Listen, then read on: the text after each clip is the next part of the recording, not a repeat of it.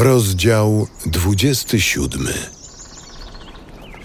Hiob jeszcze raz podjął swą myśl i rzekł: Na życie Boga, co nie dał mi prawa, na wszechmocnego, co poi goryczą. Dopóki mam oddech w sobie, a w nozdrzach mam Boże tchnienie, usta moje nie wyrażą się podle, nie wyrwie się słowo podstępne.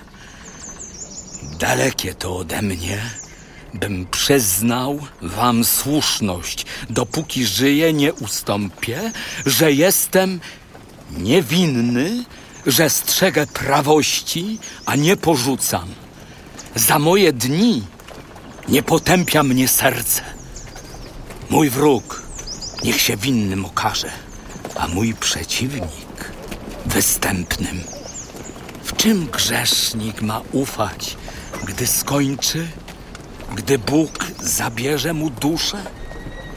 Czy Bóg wysłucha jego wołania, gdy spadnie na niego nieszczęście? Czy może się cieszyć wszechmocnym przez cały dzień, wzywać Boga? Pouczam was o Bożej mocy. Nie taję myśli wszechmocnego. Wy już to wszystko widzicie, więc po co się w spory jałowe wikłacie? Taki to los grzesznika od Boga. Dola ciemięscy od wszechmocnego. Synowie się mnożą pod miecz, a jego potomstwo nie syci się chlebem. Pozostałych grzebie zaraza, a wdowy ich płakać nie będą. Niech sobie on srebro jak proch gromadzi, suknie upycha jak glinę, niech zbiera, prawy je wdzieje, a srebro posiądzie niewinny.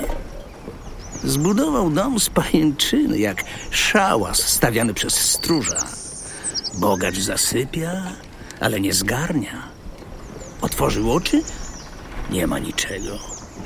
Pędzi go strach niby powódź. Po nocy wichura go ściga. Wiatr wschodni go porywa, a on odchodzi. Zabiera go z jego siedziby. Unosi, nie mając litości, bo z ręki ujść mu nie może. Klaszcze się za nim w dłonie. Gwiżdże ze wszystkich stron.